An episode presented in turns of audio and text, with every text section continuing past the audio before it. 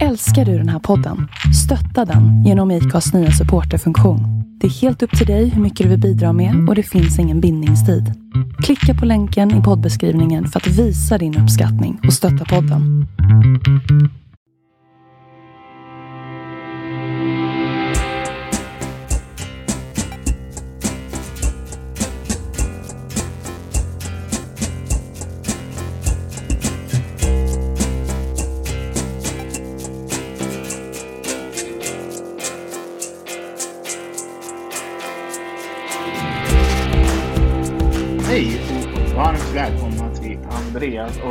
Förklarar politik.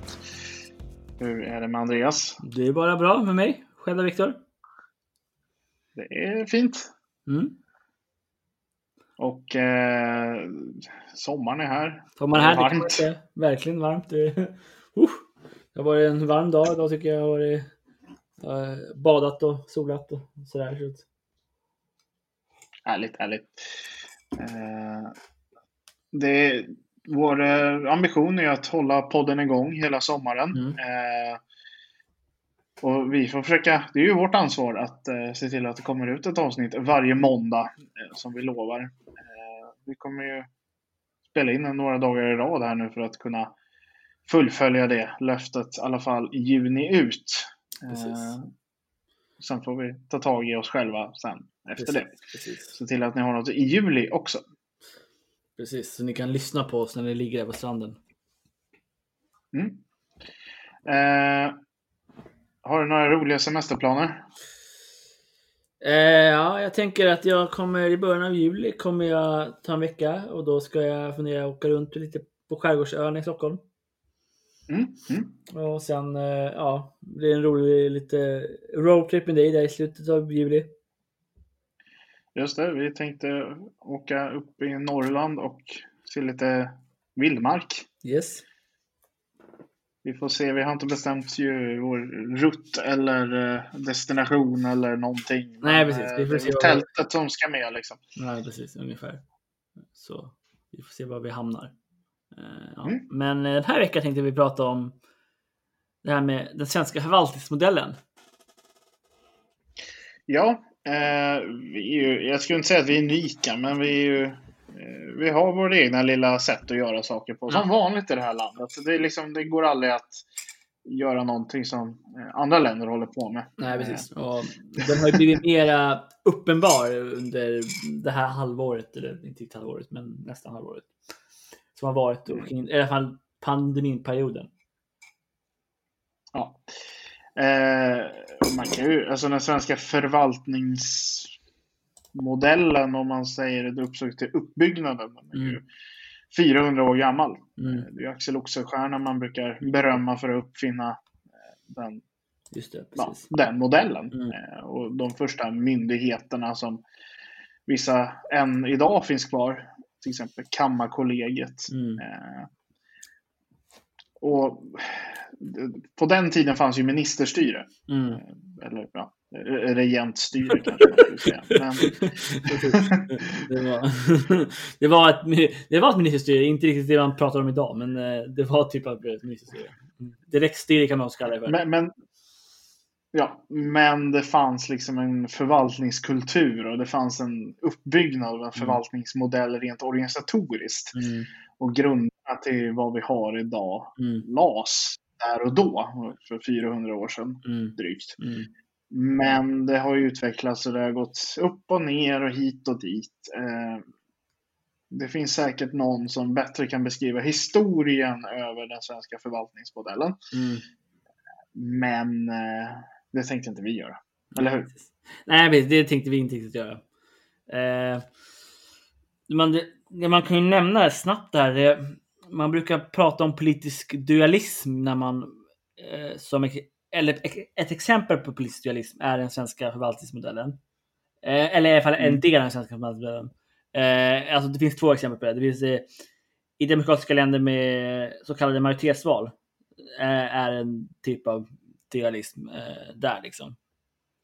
Eh, och även, även när man liksom har småpartispärr så blir det en dualism för att då blir det liksom, då knyts partier mellan olika block också. Så du kan, du, eller det kan bli olika block och då blir det också en typ av dualism.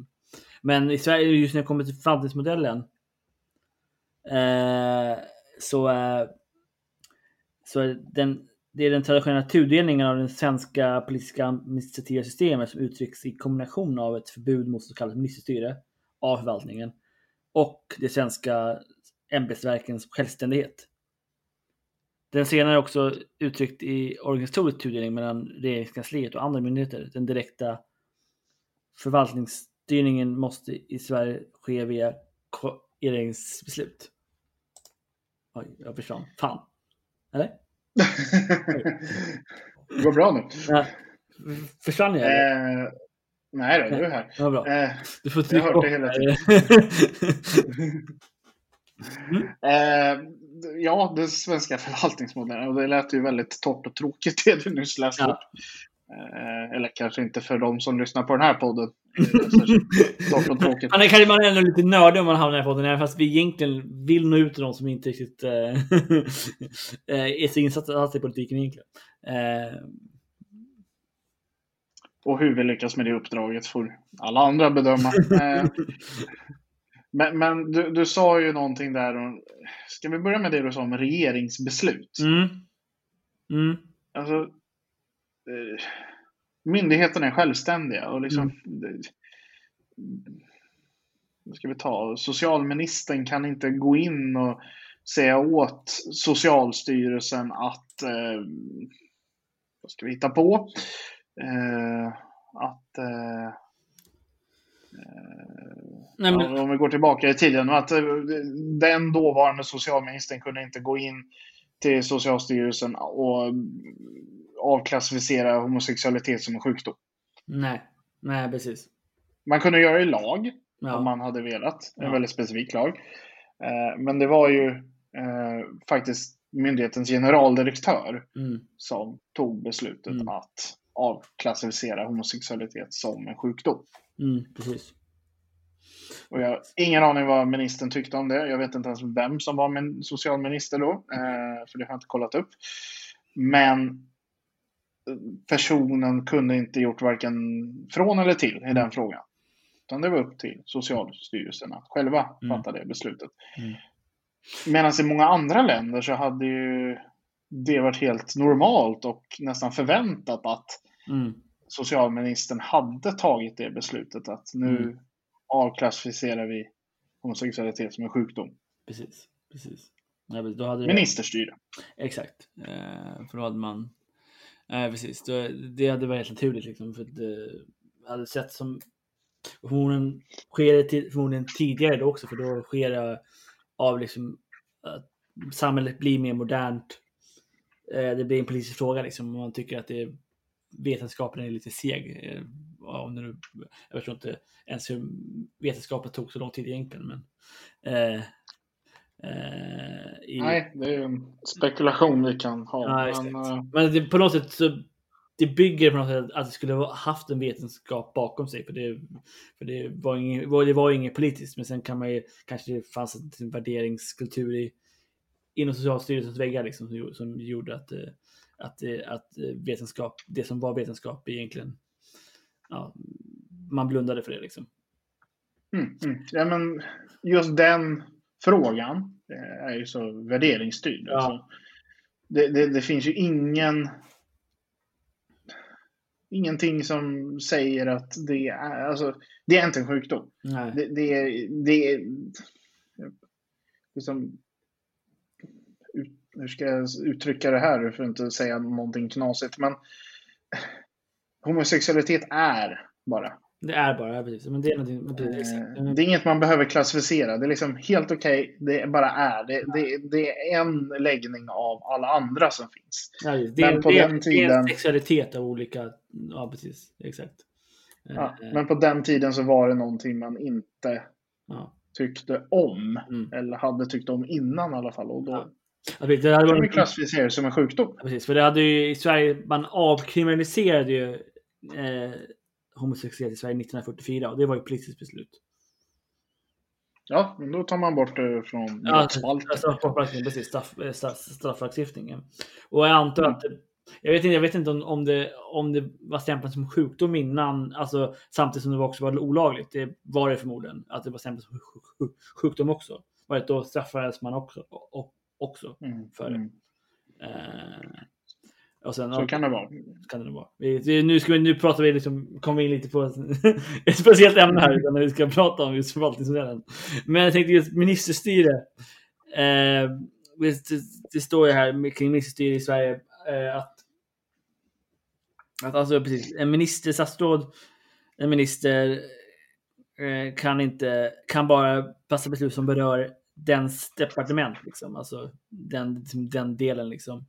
Eh, beslut som rör en myndighet under ministern måste fattas av regeringen som kollektiv, som, som vi sa, och då är, har det rört sig om minst eh, fem ministrar av, utav en regering.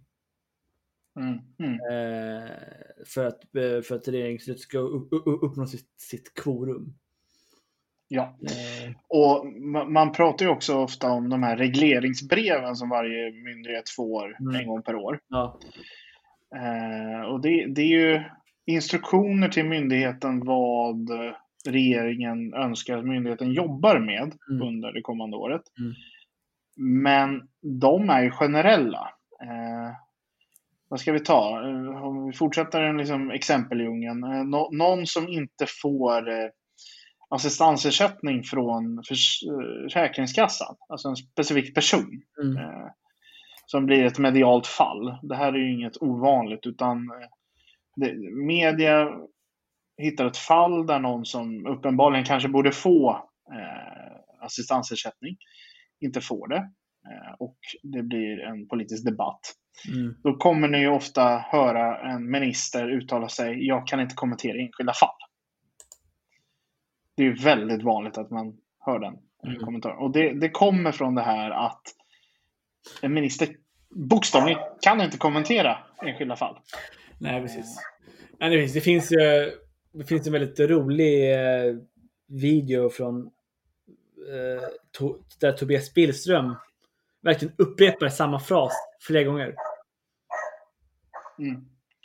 Eh, kring det där. Och så blir det, det blir, det blir som, som en meme liksom, för att han liksom säger det på exakt samma sätt varje gång liksom, och liksom ger inte ett svar. Liksom, för att han, ja, för han kan inte. Nej. Och, och det beror ju på att statsråden begår ett brott om de hade gått in och sagt att ja, men just den här personen, Erik Karlsson eller Emma Andersson, hon ska ha, eller han, assistansersättning. Det tycker jag och det bestämmer jag. Eh, Ja. Det är ett brott. Mm. Precis. Eh, och eh, hade ju lett till eh, alla möjliga problem för den ministern som hade gjort det. Och eh, jag undrar faktiskt vad myndigheten hade Antagligen hade väl myndigheten vägrat också att utföra beslutet. Nej, precis. För det hade varit så ett fantant grund, grund, grundlagsbrott. Liksom. Mm. Så hade de gjort det så hade förmodligen någon... Ja, hade nu myndigheten gjort det, struntat i att, att, att ignorerat att det faktiskt är ett grundlagsbrott, så hade ju förmodligen någon kunnat... Någon som hade velat hade kunnat överklagat och då hade en domstol eh, ogiltigförklarat beslutet. Om inte Ja. de hade själv liksom eh, lyft upp frågan, om de nu kan göra det, eh, eh, för att ogiltigförklara beslutet. Ja, det beror ju helt på vad det är. Men eh, ja, kanske. Eh, och där vi kan ju prata domstolar också när vi ändå håller på. Ja. det, det ingår ju också i den här. Alltså, eh, du, du ska ju definitivt inte som politiker ge dig in i och kommentera rättsfall. Nej, nej, Eh, precis. Och det är, det, är- det är domstolar- mer vanligt att, det, att man inte ska göra i andra länder också. I alla fall Ja. demokratiska länder. Ja. Eh, domstolarna i Sverige är ju väldigt oberoende. Eh, Mm. Det här vet jag som, eftersom jag har suttit som nämndeman faktiskt. Mm. Eh, jag som domare och då även nämndeman, för en nämndeman är en domare, eh, är ju helt oberoende i sitt beslut. Mm.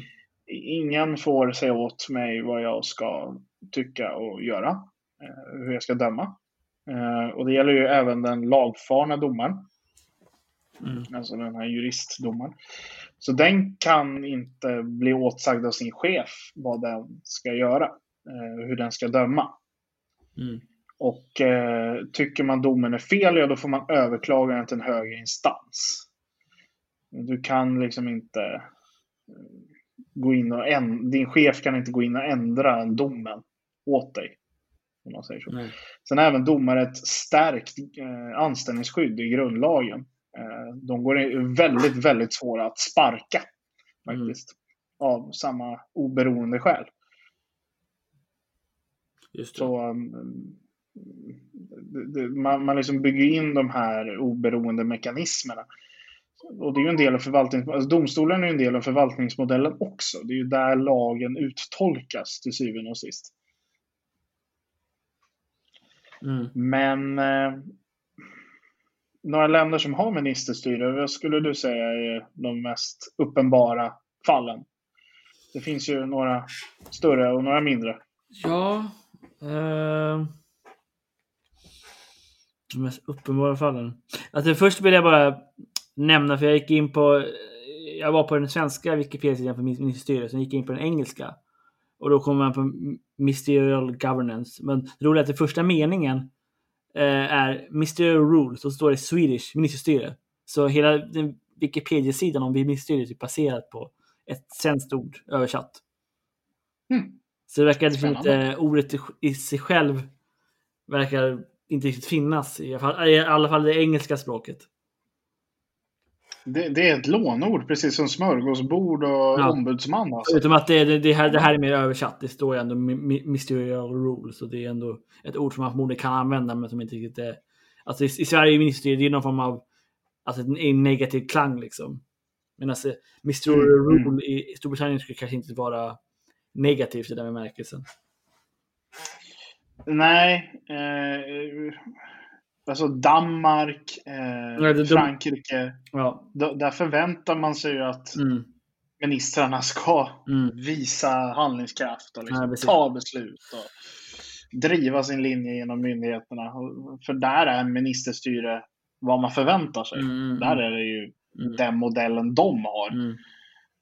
Jag vet, alltså det mest, alltså det mest liksom, eh, liksom så här, eh, den senaste jämförelsen av vad som är liksom uppenbart liksom nu, det är, det, det är hur till exempel Sverige och Danmark har hanterat Corona och en del andra länder också. Men vi- typ, jag hittade en artikel här på en Alltinget. Eh, en eh, tidskriften. Eh, och eh, där handlar det om att att regeringen i Sverige liksom, är väldigt noga med att vi, den, den har följt Folkmyndighetens rekommendationer i stora mån. Liksom. Medan i Danmark där, där är politikerna som har tagit täten liksom, och sen så har experterna fått liksom, ja, stått där bakom. Liksom. tillbaka. Ja, exakt.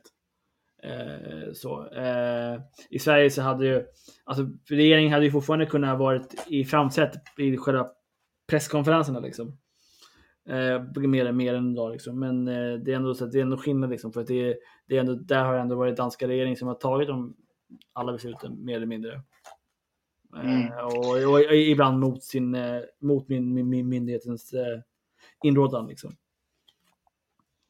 Ja, och, och det är också en del av den svenska förvaltningsmodellen. För eh, alltså just när det gäller pandemin här så har ju regeringen lite mer befogenheter att kanske liksom genom förordning Mm. bestämma olika saker som Folkhälsomyndigheten kanske inte hade velat egentligen. Mm. Eh, men den svenska förvaltningsmodellen bygger också på expertmyndigheter och på tillit mot att det är myndigheterna som vet vad Mm.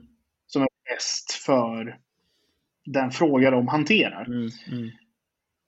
Alltså det, det, svenska politiker ska vara bra på att styra Mm. och liksom se helheten och avväga folkets intressen och Mm. Disponera pengar. Statsbudgeten är liksom politisk. Mm. Eh, men de kanske inte ska vara epidemiologer Mm. eller eh, eh, vägingenjörer som bäst avgör sträckningen på en ny motorväg. Nej. Det finns expertmyndigheter till det och så funkar det även på kommunal nivå. Mm. Alltså, jag sitter i socialnämnden och vi fattar vissa beslut i individärenden. Det är väl en av de nämnder där man har mest inne och rotar i folks liksom, så konkret i en persons liv och har Mm. väldigt mycket makt. Mm. Men och vi ställer vi frågor och vi liksom tittar kritiskt på den eh, utredning som tjänstemännen har gjort. Men det är inte vi som sitter och har djupintervjuer med personerna det berör Nej. eller utan vi får ju en handling att ta ställning till och sen kan vi ställa lite frågor till tjänstemännen. Mm, mm. Det är för att vi litar på att de är anställda av oss för att representera oss och eh, vi litar på deras bedömning och kunskaper. De är dessutom högskoleutbildade i, liksom, som socionomer i mitt fall. Mm. Jag är inte socionom. Nej.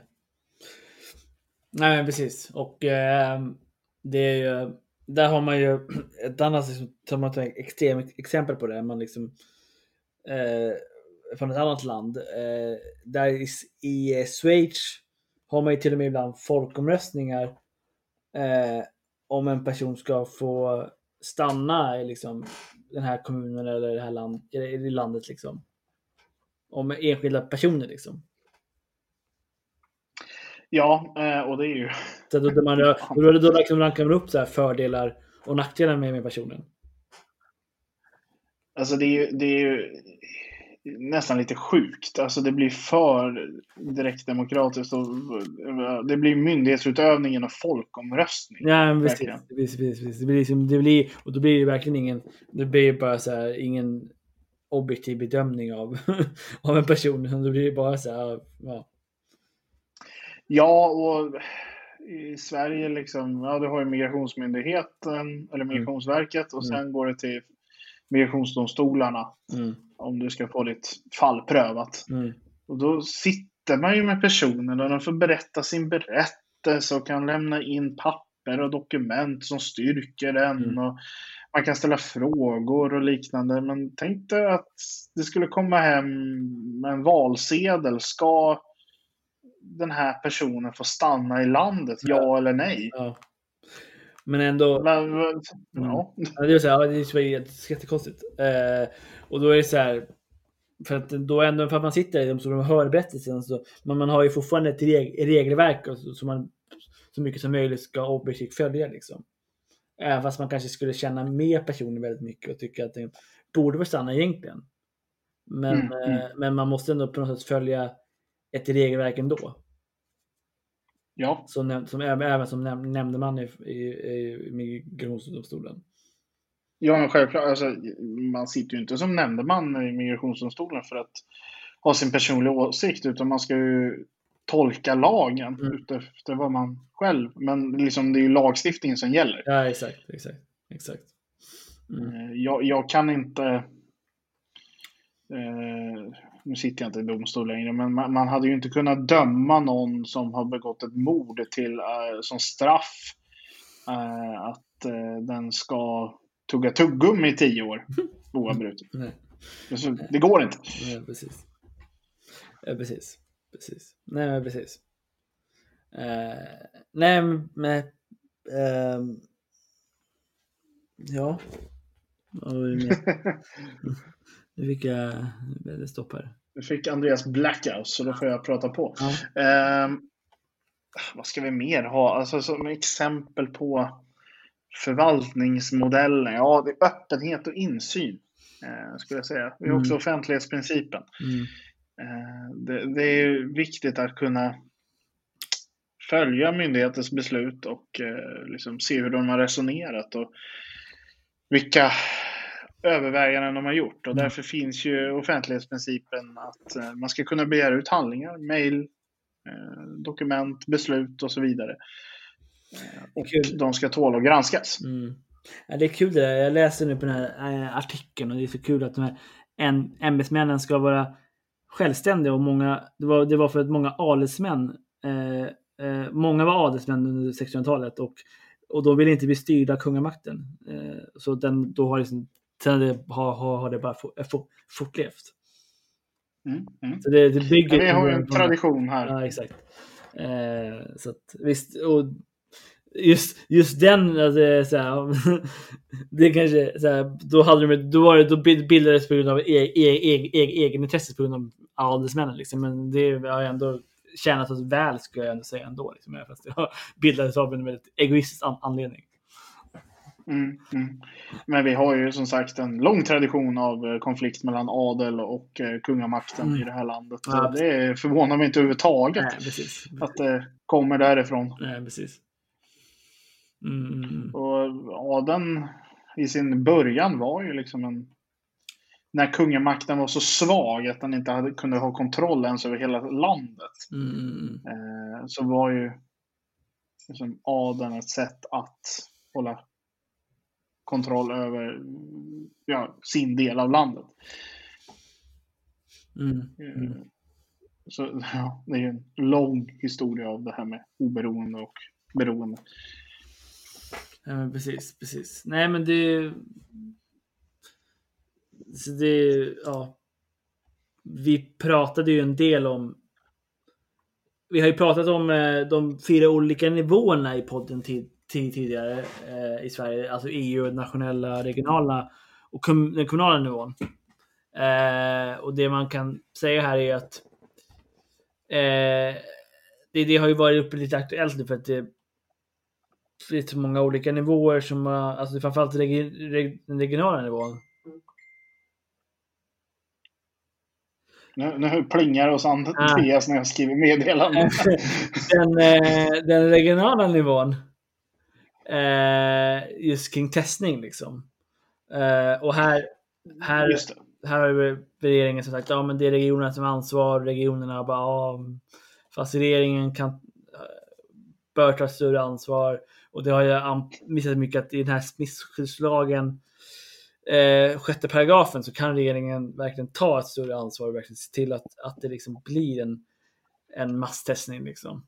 Eh, men mm. den, nu, den, liksom den den ordinarie lagstiftningen är ändå att mycket, mycket är att det, den ska skötas eh, i regioner och sen så många brukar prata om att men många andra länder klarar det här med att, att för det handlar om vår lag kräver mycket också att, eh, nu kommer jag egentligen in på något helt annat, men eh, att, eh, att det är liksom andra som ska, att man måste vara väldigt välutbildad för att eh, ta hand om, om testningen medan Eh, så det är väldigt svårt. Man, man kan inte bara anställa massa mass, masstestare liksom, utan man måste ändå ha eh, utbildad folk med läkarkunskap. Liksom. Ja. Nej men eh, det där med testerna är ju ett ypperligt exempel tycker jag på just vad den svenska förvaltningsmodellen lite bygger på. Ja.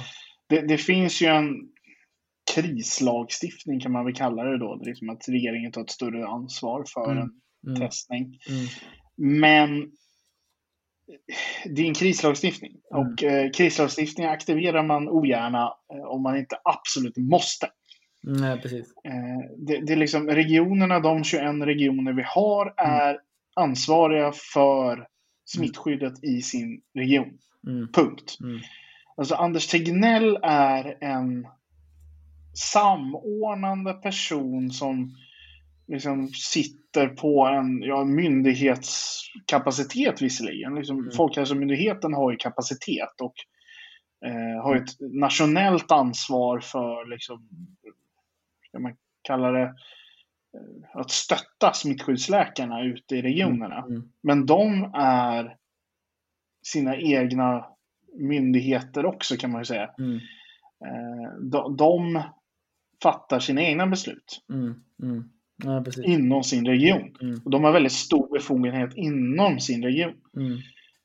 Eh, de kan bestämma om att stänga restauranger, sätta städer i karantän om de så vill. Mm. Eh, de, men det är också regionerna då som äger ansvaret för testningen. Och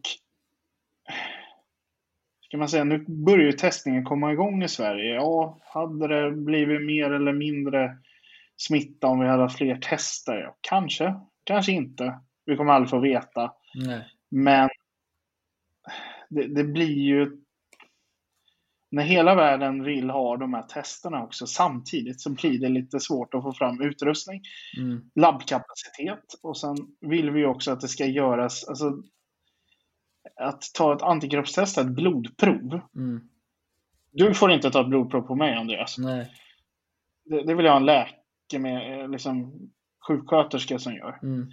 Eh, att också ta det här eh, testet för att se om du har corona just nu. Mm. Eh, nu- har det förenklats lite, men tidigare så var det att sticka upp en pinne i, genom näsan ända bak i svalget. Mm. Genom näsan, det var Det, det. det är inte särskilt bekvämt. Och det är Nej. inget du hade klarat att göra på dig själv. Eh, det är ingenting jag heller hade velat låta dig göra, även om du kanske hade klarat det lite bättre än ett blodprov. Återigen, jag vill ha en sjukvårdsutbildad person som Ja. gör det här. Och det finns bara ett visst antal sådana.